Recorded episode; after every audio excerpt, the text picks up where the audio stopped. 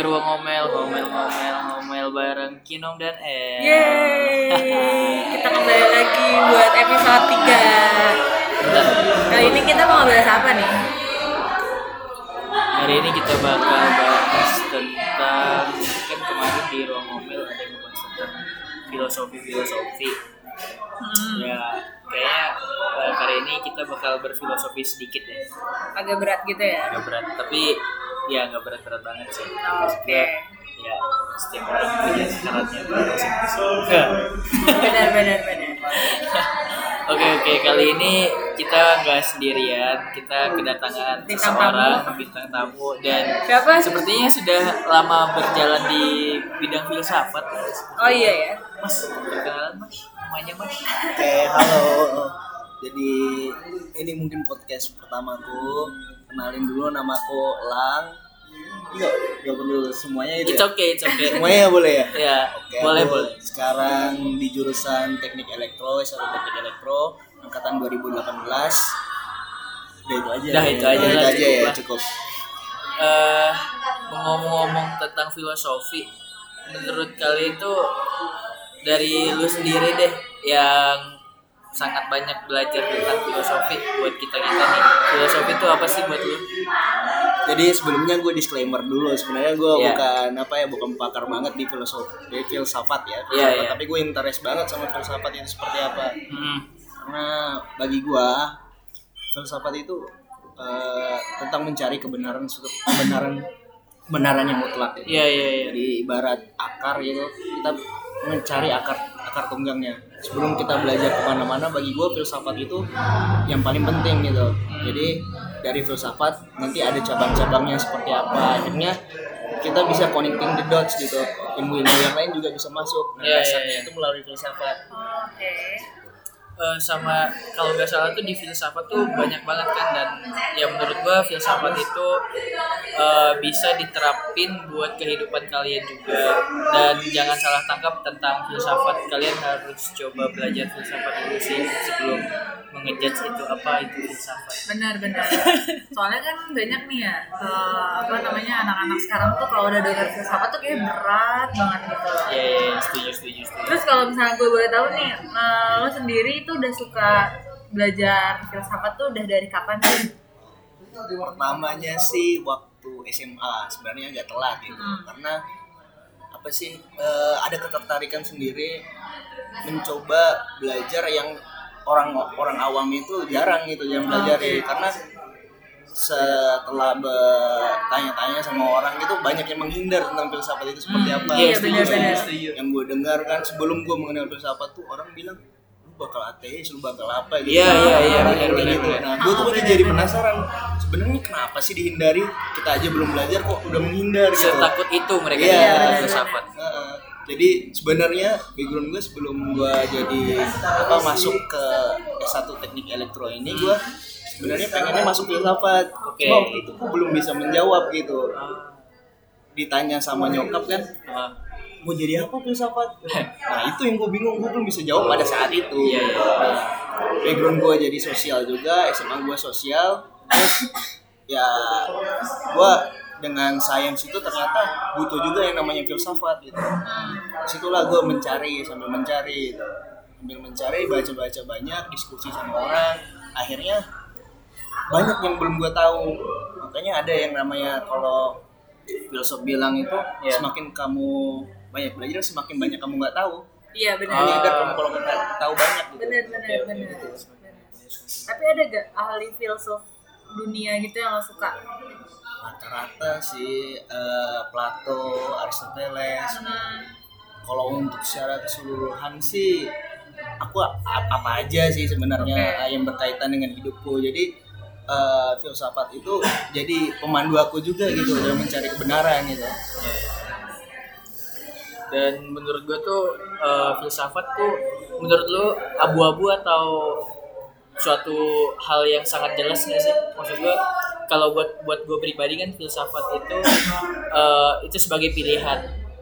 Pilihan yang bisa relatif bisa kita pakai aja. Tidak tidak harus kita belajar eh, apa namanya ada di satu untuk filsafat ini. Contohnya kayak uh, filsafat namanya stoik. Ya.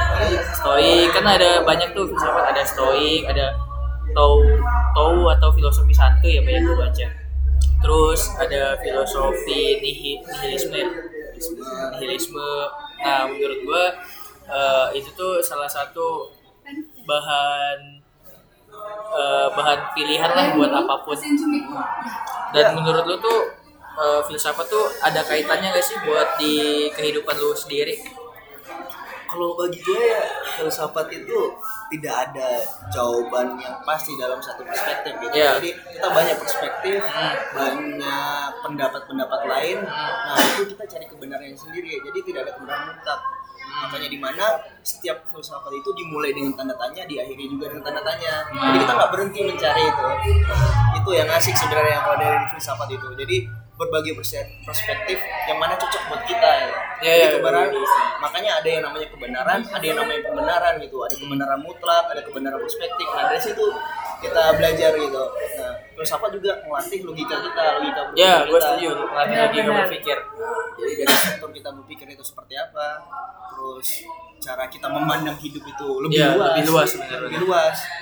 Jadi eh, banyak sih, banyak sih plusnya ke kehidupan. Cuma bagi orang yang belum tahu, nah itu yang gue mirisnya orang-orang yang belum tahu ini sudah mengejat situ filsafat Ya, itu udah gak ya. baik, terus bakal lari ke mana? Padahal itu buat lo tahu jati diri lo tuh sebenarnya di mana, gitu. Nah. tahu filosofi hidup lo tuh kayak gimana. Iya, iya, iya. dan menurut gue tuh dari filsafat itu sendiri lu dapat menemukan diri lu itu siapa? Ada misalkan kalau di filosofi lu ada di bagian filsafat yang mana?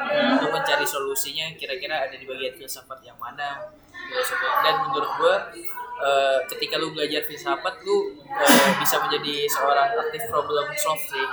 Lu bisa menjadikan diri lu kayak eh, terutama untuk diri lu sendiri lah lu bisa menangani eh, masalah yang dengan se apa ya bahasanya seminimalisir mungkin lah tanpa harus banyak memikirkan kekhawatiran yang lain gitu ya bakal ada sih kekhawatiran kayak gitu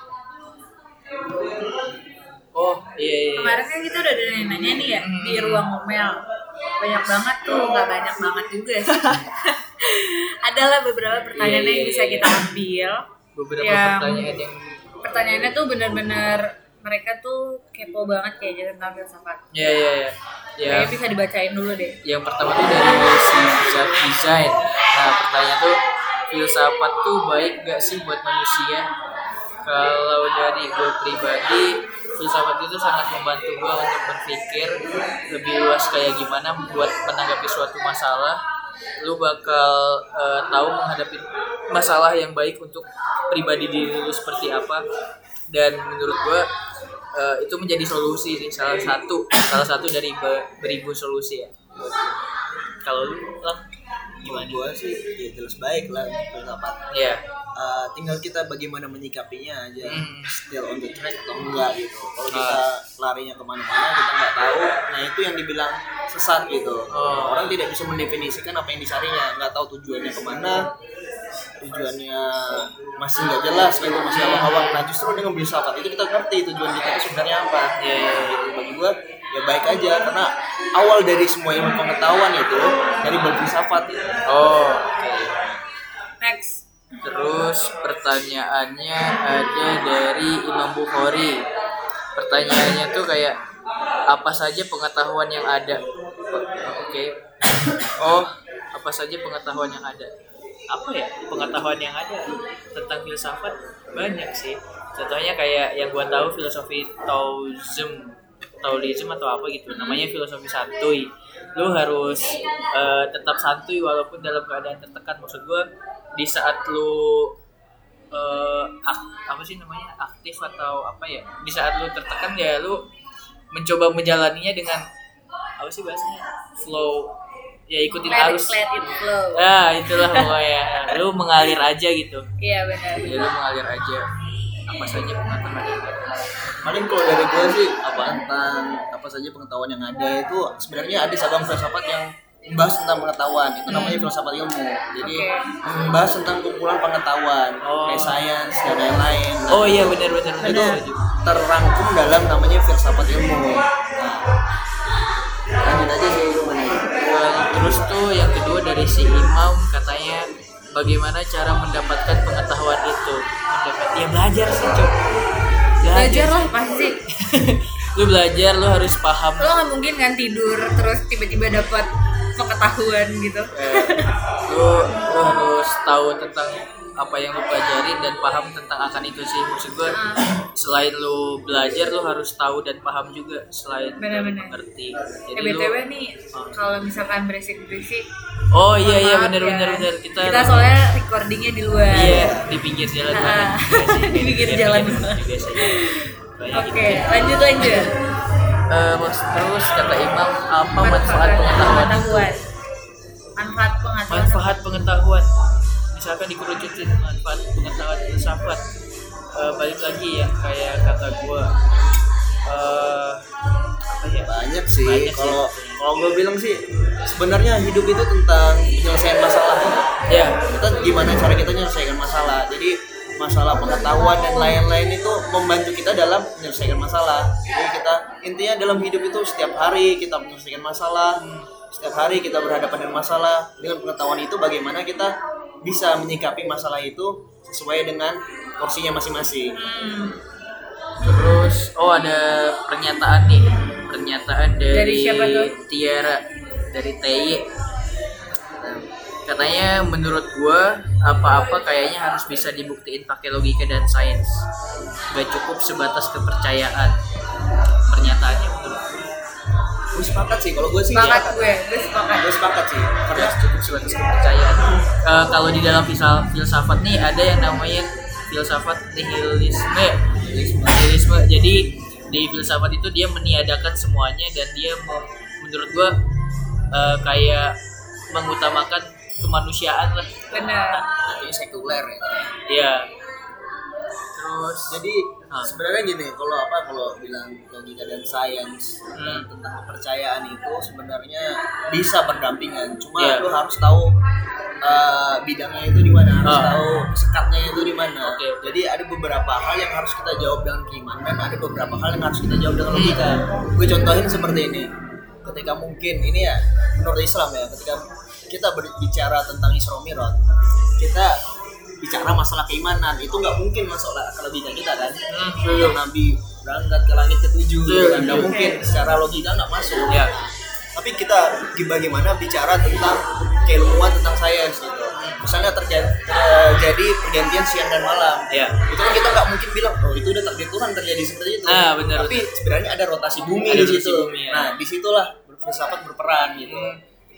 Ada sesuatu yang harus dijawab dengan logika dan sains ada sesuatu yang dijawab cukup dengan keimanan gitu. Dan, Benar, dan, benar. dan menurut gua di situ ada ya balik lagi kayak ada beberapa part yang mungkin bukan logika lu yang jalan untuk sementara tapi eh, kepercayaan lu dulu yang sementara gitu. Menurut gua akan ada beberapa part di situ yang mengutamakan eh, logika dan sains terlebih dahulu atau kepercayaan lu dulu gitu menurut gua itu bisa berdampingan sih bagi gue hmm.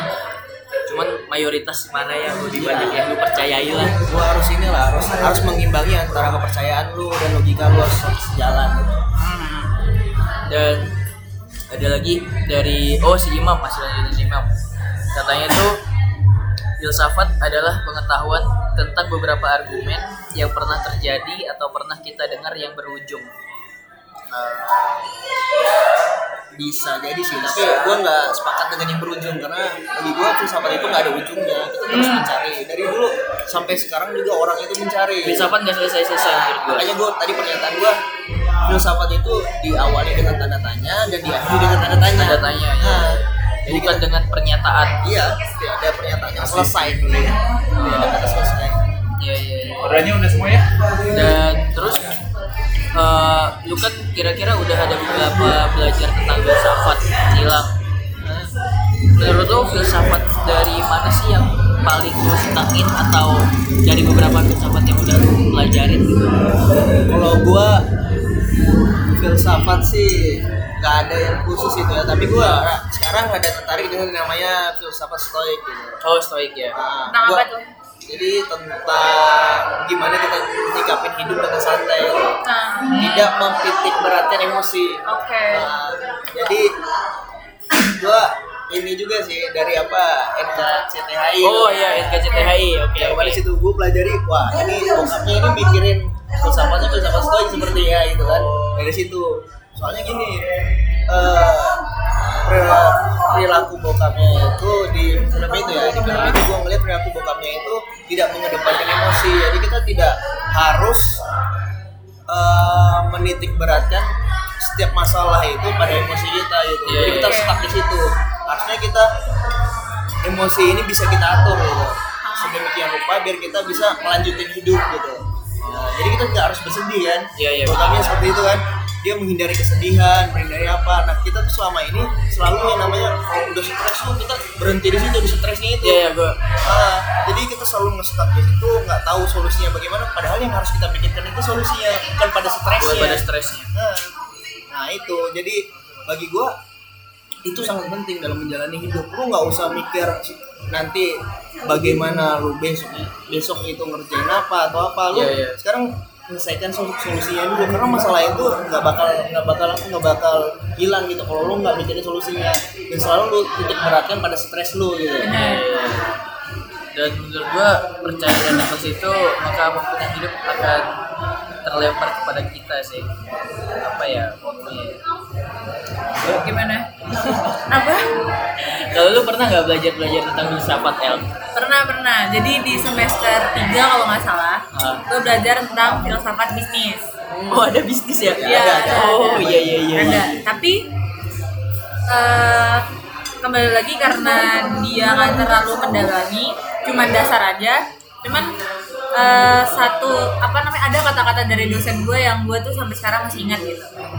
Yaitu adalah eh, yang tadi kita bicarain pengata apa sains, Oh, sains. kepercayaan Oh. dan logika itu nggak pernah bisa disatuin Ya. karena mereka mereka punya apa namanya bidangnya sendiri dan dan biasanya rata-rata orang-orang itu suka ngegabung-gabungin gitu Iya. ya kan Cocokologi ya, Pak? nah itu apa namanya istilah cocoklogi ya Iya, iya, iya. cocoklogi ya ya nggak akan pernah bisa satu karena emang mereka punya jalannya sendiri masing-masing gitu nah makanya kalau misalnya ada masalah-masalah kayak tentang agama kan Indonesia kan banyak banget nih masalah soal agama-agama kan Iya, iya, iya. dan selalu membawa membawa si sains dan si logika gue heeh, jadi berantakan gitu dan gak akan pernah bisa selesai gitu Iya, iya, itu iya. sih yang gue ingat sampai sekarang Mereka tidak berdampingan guys. nah itu dia Iya, itu bagaimana kita menyikapinya aja.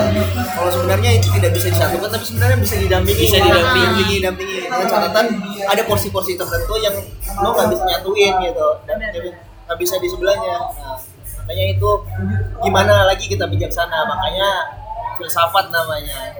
Kita mencari kebijaksanaan gitu. Ya benar mencari kebijaksanaan lu mencari de- salah satu mencari jati diri lu lah. Nah kalau kata orang-orang nih kan, eh, orang yang biasanya belajar filsafat itu tuh kayak hidupnya berantakan, iya atau enggak sih? Kalau gua, kalau gua yang telah mendalami sih sempet di fase itu Oke. gitu. Karena fasenya fase mencari gitu. Oh, Jadi iya, iya. mungkin orang melihat berantakan itu ketika dia mencari. Tapi pada akhirnya lu temuin yang bisa jawab sih diri sendiri sebenarnya. Oh, iya. bisa kita sa- sama individu individu lain. Tapi yang kita lihat itu ya seperti itulah. Mungkin mereka berantakan ya karena prosesnya masih proses mencari. Kalau kita sudah sampai ke titik di mana fase mereka dia sudah sebenarnya tidak menciptakan eh tidak apa tidak mencari jati diri. Jati diri itu diciptakan sama dia. Iya. Nah di situlah dia menemukan kebijaksanaan dia gitu Oke. dan bakal mencari kebijaksanaan kebijaksanaan yang lain gitu. Nah bagi gua kalau kita ketemu orang yang mungkin berantakan itu hapuslah stigma seperti itu gitu kan kita nggak bisa memang menilai seseorang itu ya apa yang kita lihat aja gitu. Jadi kita paling nggak lu tahu juga sih belajar filsafat itu gimana sebelum lu ngejudge orang belajar filsafat itu seperti apa gitu. Nah jadi eh, mungkin dalam proses dia mencari dia ke mana-mana itu wajar ya. Iya, iya. karena yang namanya akar ya harus dicari seperti apa Benar, gitu benar, berliku-liku gitu. Dan dari masa sulit kalian, gue bakal menurut gue eh, itu bakal ngebentuk kalian sih buat ke depannya dan kalian ke depannya itu menurut gue dibentuk dari masa kesulitan kalian. Benar. Kemarin kan eh, selain di ruang ngomel juga, gue juga bikin question kan di Instagram. terus ada adalah temen gue yang bilang filsafat adalah akar dari semua masalah iya atau enggak gimana tanggapan kalian menurut gua bukan iya atau enggak tapi tepat atau tidak te- tepat atau kurang tepat? Kenapa tuh? Karena iya atau tidak tuh kayak ngedoktrin lu bener atau salah. Oh, iya, iya. nah kayak gitu buat gua. Jadi Kalau- menurut tanggapan kalian tentang pernyataan itu gimana? Bukan kalau gue ya kalau gue itu bukan apa bukan tentang akar masalah malah itu mencari akar ilmunya seperti apa akar tunggangnya gitu. Dari akar-akar lain gitu. Karena dari akar itu bakal tumbuh cabang-cabangnya seperti apa. Makanya itu dari filsafat itu tumbuh cabang-cabang ilmu yang lain itu matematika itu ekonomi sastra dan lain-lain. Nah itu awalnya itu dari filsafat. Nah, bagi gua itu bukan akar persoalan atau akar masalah, tapi itu jadi akar dari semua ilmu gitu. oke. Jadi sebelum kita pelajari semua ilmu yang ada di dunia ini, kita lebih baik belajar filsafat dulu sebenarnya. Itu biar logik kita, logika kita benar gitu.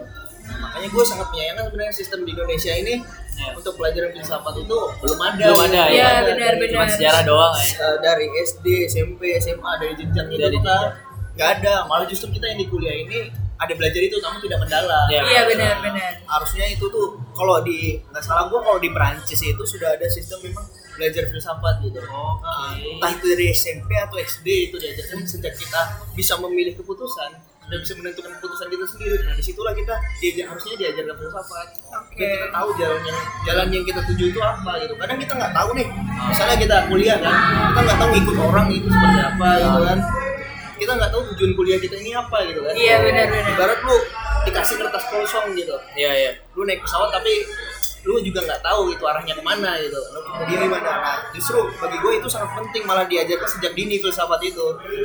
Biar logika kita benar dulu biar kita ngerti tujuan kita baru kita tidak ada sebenarnya tidak ada kata menyesal ketika kita sudah dewasa ini mempelajari hal tersebut karena kita punya Ah. alasan. Iya iya iya. Kadang kan yang dimasalahkan mahasiswa juga ya kayak kita kita gini kan ah gue salah jurusan gue salah ini Iya, iya. Gua setuju. Benar-benar. karena dia nggak tahu tujuan mere- mereka itu apa sebenarnya oke iya sih benar contoh Iya. iya contoh kasus yang kemarin contoh kasus kan ya Iya, banyak iya. contoh kasus itu apalagi yang mau maba ini kan Ya, maba-maba, Gua anjing. tingkat akhir sudah kan Iya. Ah, juga kayak gitu kan wah gue salah jurusan nih. Nah itu. Salah jurusan terus? Mereka- itu nyambung juga nih sebenarnya. Ada ini sih ada bahasa namanya ikigai kan? Ah Ya. ikigai itu salah satu hidup bahagia lah. Hidup bahagia. salah satu cara hidup bahagia dan sedikit sharing gue tahu ikigai dari mantan gue thank you ya. Sumpah mantan gue yang mau gue sekarang. bahas bah ya bahas bahas tentang ikigai nih. Ah. yang yang kita tahu kan itu yang namanya kita kuliah. Mhm. terus tujuannya itu apa sih kan? Nah itu ber- berdampak pada sebenarnya gimana cara kita eh, menyikapi tujuan kita itu seperti apa Mhm. nah ikigai ini adalah konsep gimana kita hidup bahagia dengan pilihan kita. Ya jadi apa yang kita pilih sesuai passion itu aja nggak cukup loh nah gue setuju gue setuju kerja itu juga apa yang dibutuhkan sama dunia gitu kan. dunia bukan bukan masalah passion lu doang Ah, passion lu doang. Nah, makanya ada yang namanya uh, passion, terus mission, Mission, profession dan vacation itu ya. harus ada irisan yang sama. Hmm, irisan. setuju. Jadi kita nggak cukup passion kita nih misalnya Ya. uh, melukis gitu. Tapi apakah itu dibutuhkan gitu? Nah, apakah itu menghasilkan duit kan kita kan harus realistis kan. Realistis, Gitu. ya. Nah, jadi kita mengikuti passion kita tapi kita dapat duit loh dari situ. Nah, apakah kita juga profesional di dalam situnya juga? Nah, sesuai nggak dengan misi kita gitu. Jadi harus secara itu harus berdampingan antara empat itu tadi passion, mission, profession dan vacation itu. dan jangan ada yang egois sih menurut gue Iya. cara buat keempat itu berarti emang nggak salah ya kalau orang-orang itu butuh vacation. Iya. ya butuh. Semua orang menurut gue butuh vacation sih di saat mereka bakal lagi stres. stres di titik terendah mereka kayak gimana. Benar-benar dan cerita itu salah satu vacation sih. Iya, benar-benar benar. Terus ada lagi nih pernyataan dari yoga. Katanya filsafat mengajarkan kalau segala sesuatu itu pasti ada asal usulnya. Ya, sepakat gue dengan hal itu. Ya, balik lagi kan dari pernyataan kita yang sebelum-sebelumnya, ya seperti itu sebenarnya filsafat itu. Nah, untuk eh, dapat kebenaran yang mutlak atau kebenaran dari akar-akarnya seperti apa ya kita harus berproses dalam itu benar cari akarnya sebenarnya bilang. Iya iya iya. Wah, anjir. Oh, ini dari siapa sih namanya? dari Devira Devira. nah dia dia suka banget nih sama filsafat jadi jadi eh, dia mungkin udah pernah baca bukunya kali ya.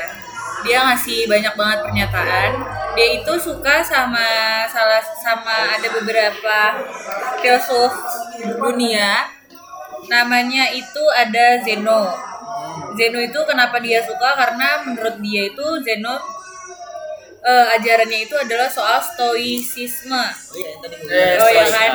Dari buku tentang stoicisme yang dibaca judulnya How to be a Stoic karya Massimo Pi- Pigliucci ya? Yes. Pigliucci itu sebenarnya semacam ketabahan tapi sebuah tabah yang murni dari diri kita dari buah pikiran kita. Bukan tabah yang dibuat-buat karena keadaan tertentu. Ibaratnya stoicisme menga- ngajarin kita untuk menciptakan kebahagiaan dari hal-hal yang bisa dikendalikan dan untuk hal-hal yang ada di luar kendali kita tidak usah dijadikan masalah let it flow aja Zeno bilang kita nggak akan bisa mengendalikan semua hal dan dalam sto- stoicisme ini bisa jadi lebih mengenal dan menguasai diri sendiri. nah itu yang sempat gue bahas tadi kan masalah Ah. stoik itu nah sebenarnya ada buku rekomendasi lagi sih yang namanya filosofi teras itu kan Ya, filosofi Oh. teras itu dari Paribing tuh itu juga di bahas bahasa tentang- Indonesia itu. Ah, jadi itu lebih apa ya? Lebih simpel aja sih, nggak terlalu Ah. mendalam gitu kan.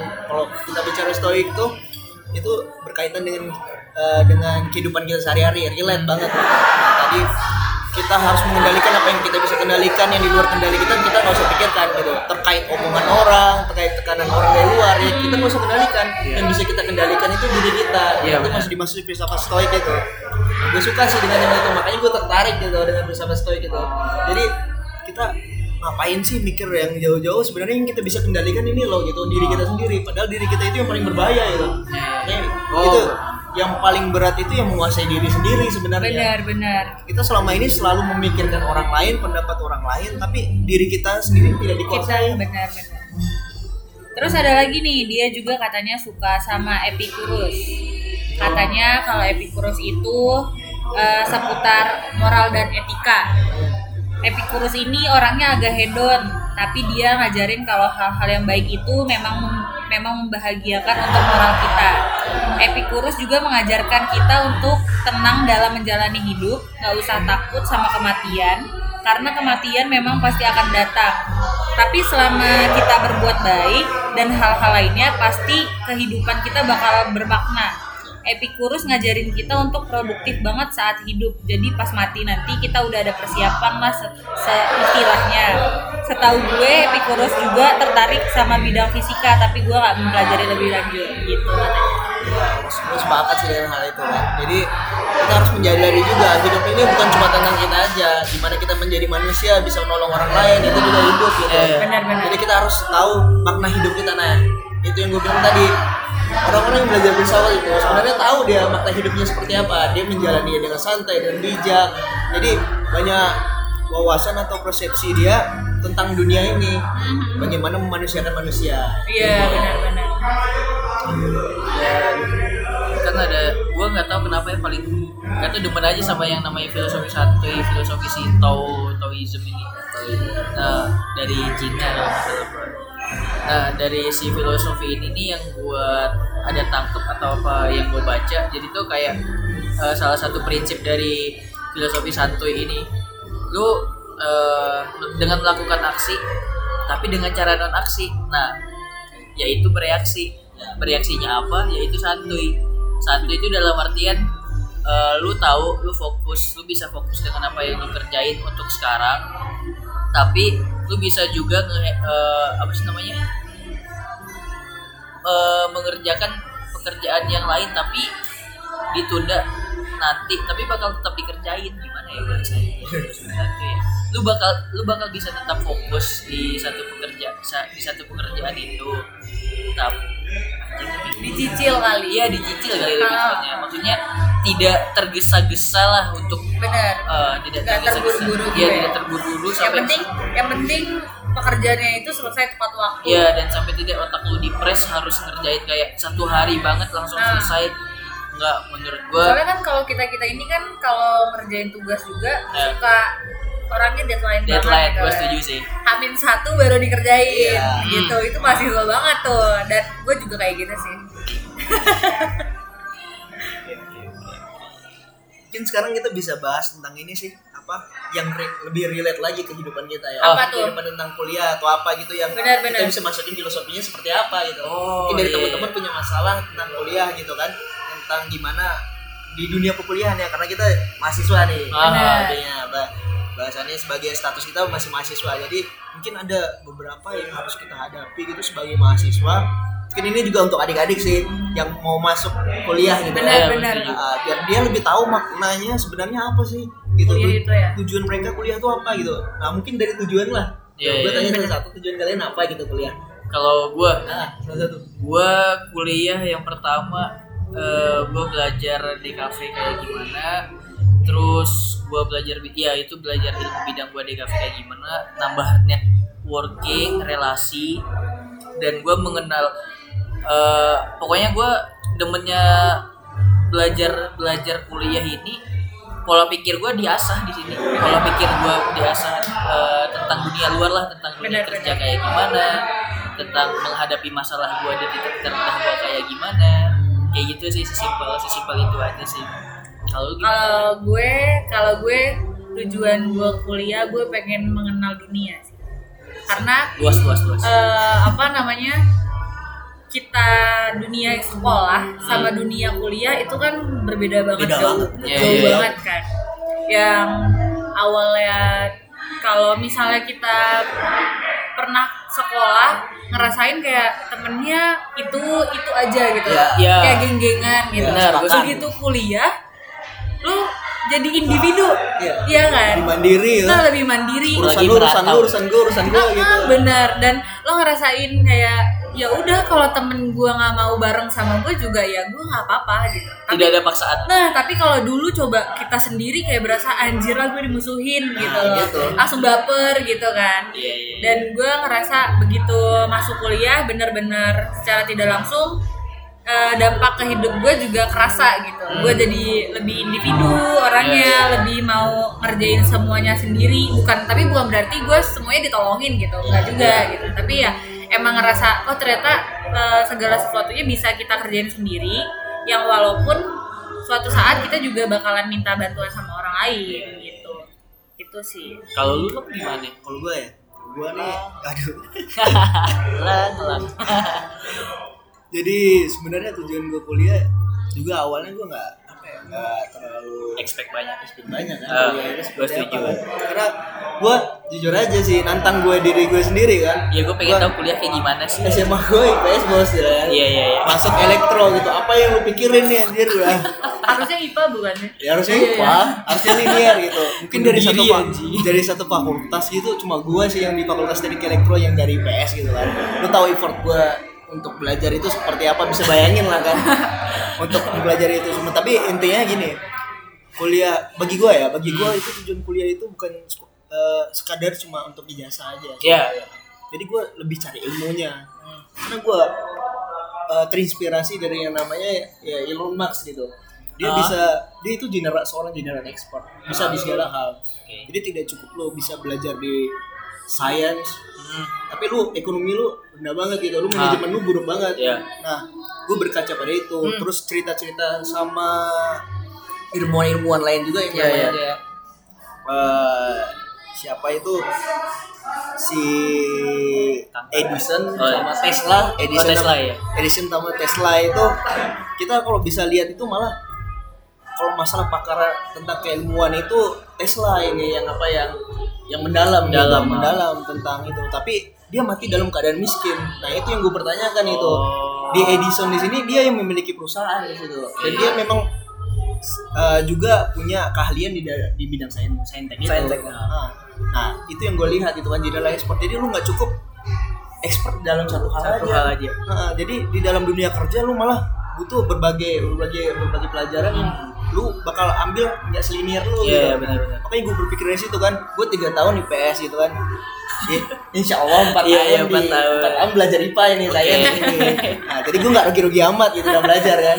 Nah, Sosial lu nah, dapat, sosial gue dapat, saintek gue saya dapat. lu dapet. Nah, terus gue breakdown teori aja sebenarnya Oke. enggak tentang pandangan orang tuh IPS kok. IPA Ya, ya, nggak gua- bisa kan. setuju, gua setuju, Nah, gua setuju. Pikiran gue ya itu pilihan masalah pilihan. mindset mindset orang tuh masih Ah, kayak gitu aja. Stigma stigma orang yang gue bilang kalau anak IPS itu nggak bisa apa nggak bisa ber beradaptasi di Iya, itu, gue bisa tunjukin kalau itu salah gitu. Dan buktinya lu masih bisa survive ya. Ya, bisa bisa survive gitu. Intinya niat gue aja yang. Ya benar, gue setuju. Bener, bener. Niat lu punya tanggung jawab di situ Ya. karena Bener, itu pilihan bener. lu dan itu konsekuensi menurut gue.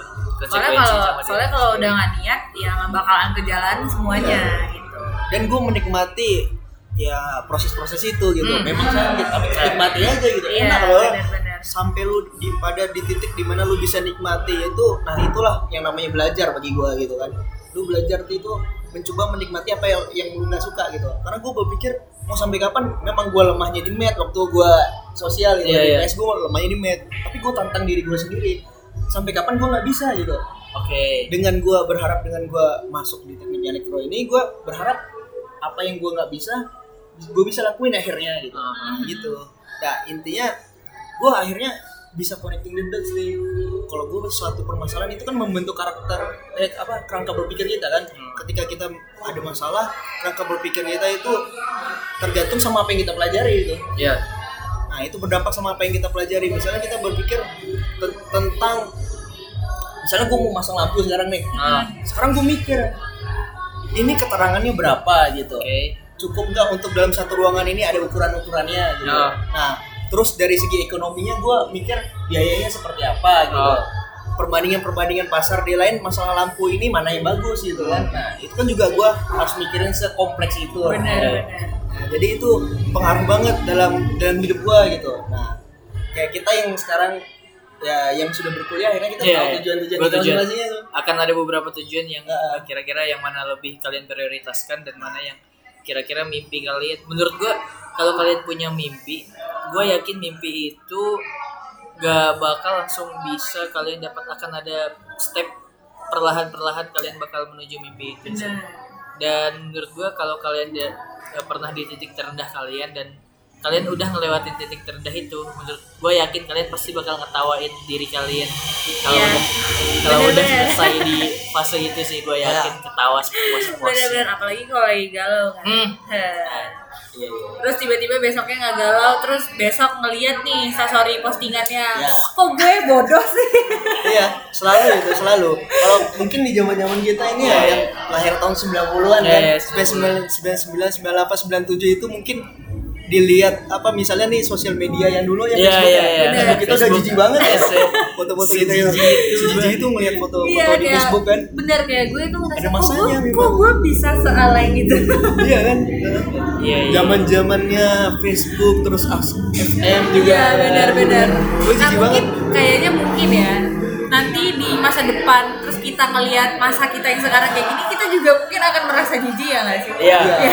gua setuju Nah itulah ya, kan? itulah yang gue bilang itu apa pendewasaan gitu, Oke. pendewasaan kita gitu. Di mana pada satu masa, di suatu, suatu fase kita jijik banget ngeliat kita yang dulu gitu. Nah itulah kita, ya itulah pentingnya berfilsafat biar lu tahu tujuan lu seperti apa sebenarnya gitu. Dan jijik amat ketika lu melihat diri lu yang sekarang gitu. eh filsafat tuh ada yang ngebahas tentang relationship gak sih Ada sebenarnya itu bisa disambung-sambungin ke mana aja sih bagi gue. Kan itu tentang hidup gitu. iya cocok logi cocok logi gitu lah ya Mungkin ada cerita lu tentang relationship seperti apa gitu. Enggak. Terus Ya, kalau ini eh, apa namanya? Mungkin ini pertanyaan terakhir kali ya. Em, ada gak tips dan trik dari lo buat teman-teman yang gak suka filsafat bis- jadi itu mereka bisa mempelajari filsafat walaupun gak terlalu mendalami banget gitu setidaknya mereka tahu lah apa tujuan mereka Kalau tips gue ya sebenarnya banyak baca sih, banyak baca. Iya, sih. gue setuju ada banyak gak buku rekomen yang rekomen ya? yang ringan sih setidaknya ya Ah, kalau gua awal ya pas gua awal itu gua memang direkomendasikan untuk dunia Shopee. Nah, itu bacaan-bacaan ya bacaan-bacaan fiksi sebenarnya, tapi gua kurang suka fiksi gitu. Nah, jadi itu berceritakan tentang novel sebuah anak bagaimana dia menyikapi hidup. Itu. Oh, filsafat itu filsafat dasar lah sebenarnya itu. Oke. kalau kalian memang mau eh, tertarik ke bidang-bidang yang tertentu langsung gitu nah Iya. kalian mungkin bisa cari bidang-bidang yang memang kalian suka gitu. Hmm. nah tapi untuk masalah masalah apa? Masalah itu kecocokan kalian sih sebenarnya. Iya, iya. kecocokan. Jadi setiap orang itu punya kecocokannya masing-masing gitu dia cocoknya di filsafat apa gitu. Benar. Nah, filsafat ilmu kah? Banyak sih cabang-cabangnya. Kalau lu mau dia bahas lebih luas lagi pilihan sih ya pilihan masalah pilihan Iya. cocoknya di mana? Tinggal lu menyikapi aja. Iya. yang penting pesan gue ya sebelum lu mencoba sebelum lu ngebaca sebelum lu tahu tuh jangan ini dulu jangan berpikiran dulu. Jadi lu jangan kurung diri lu untuk nggak tahu dulu gitu oke oke. Gua lu setuju. bisa bilang itu salah setelah lu tahu setelah lu tahu masalahnya itu seperti apa. Apa sih yang dibilang salah? Itu sih jangan jangan takut untuk mencoba lah. Yang penting rajin-rajin aja membaca karena masalah kita mungkin sama gitu setiap mahasiswa mungkin malas membaca gitu. Iya, iya, pasti. nah, sebenarnya kuncinya yang membaca itu entah lu membaca apa gitu. Karena setiap masalah setiap fenomena itu ya perlu dibaca. Nah itu jadi cara bertahan manusia sebenarnya. Tingkat apa tingkat tingkat pengetahuan membacanya itu Walaupun headline-nya doang kali ya. mau walaupun headline-nya doang gitu kebiasaan membaca itu penting gitu Gue kan baca headline doang, set sebar hoax. nah itu Ya kan? Padahal lu kalian harus membaca sih, membaca Baca isinya, isinya apa bukan hanya sebatas eh, karena judulnya yang menarik langsung kalian sebarkan tidak. Tidak Hmm. seperti itu, guys.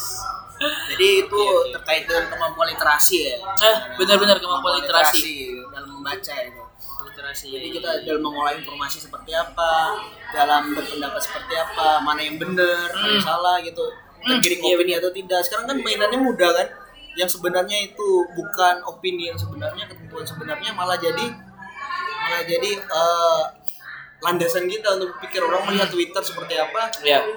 malah itu yang dipegang. Nah, dan itu sih. uh, dan menurut gua semakin kalian sering membaca menurut gua kalian sudah mem- bisa memfilter diri kalian untuk membedakan mana berita yang baik untuk kalian mana berita yang baik untuk disebarkan atau tidak gitu ya. Itu aja sih dari gua gitu. ya intinya kalian di luar sana jangan jadi komunis udah gitu aja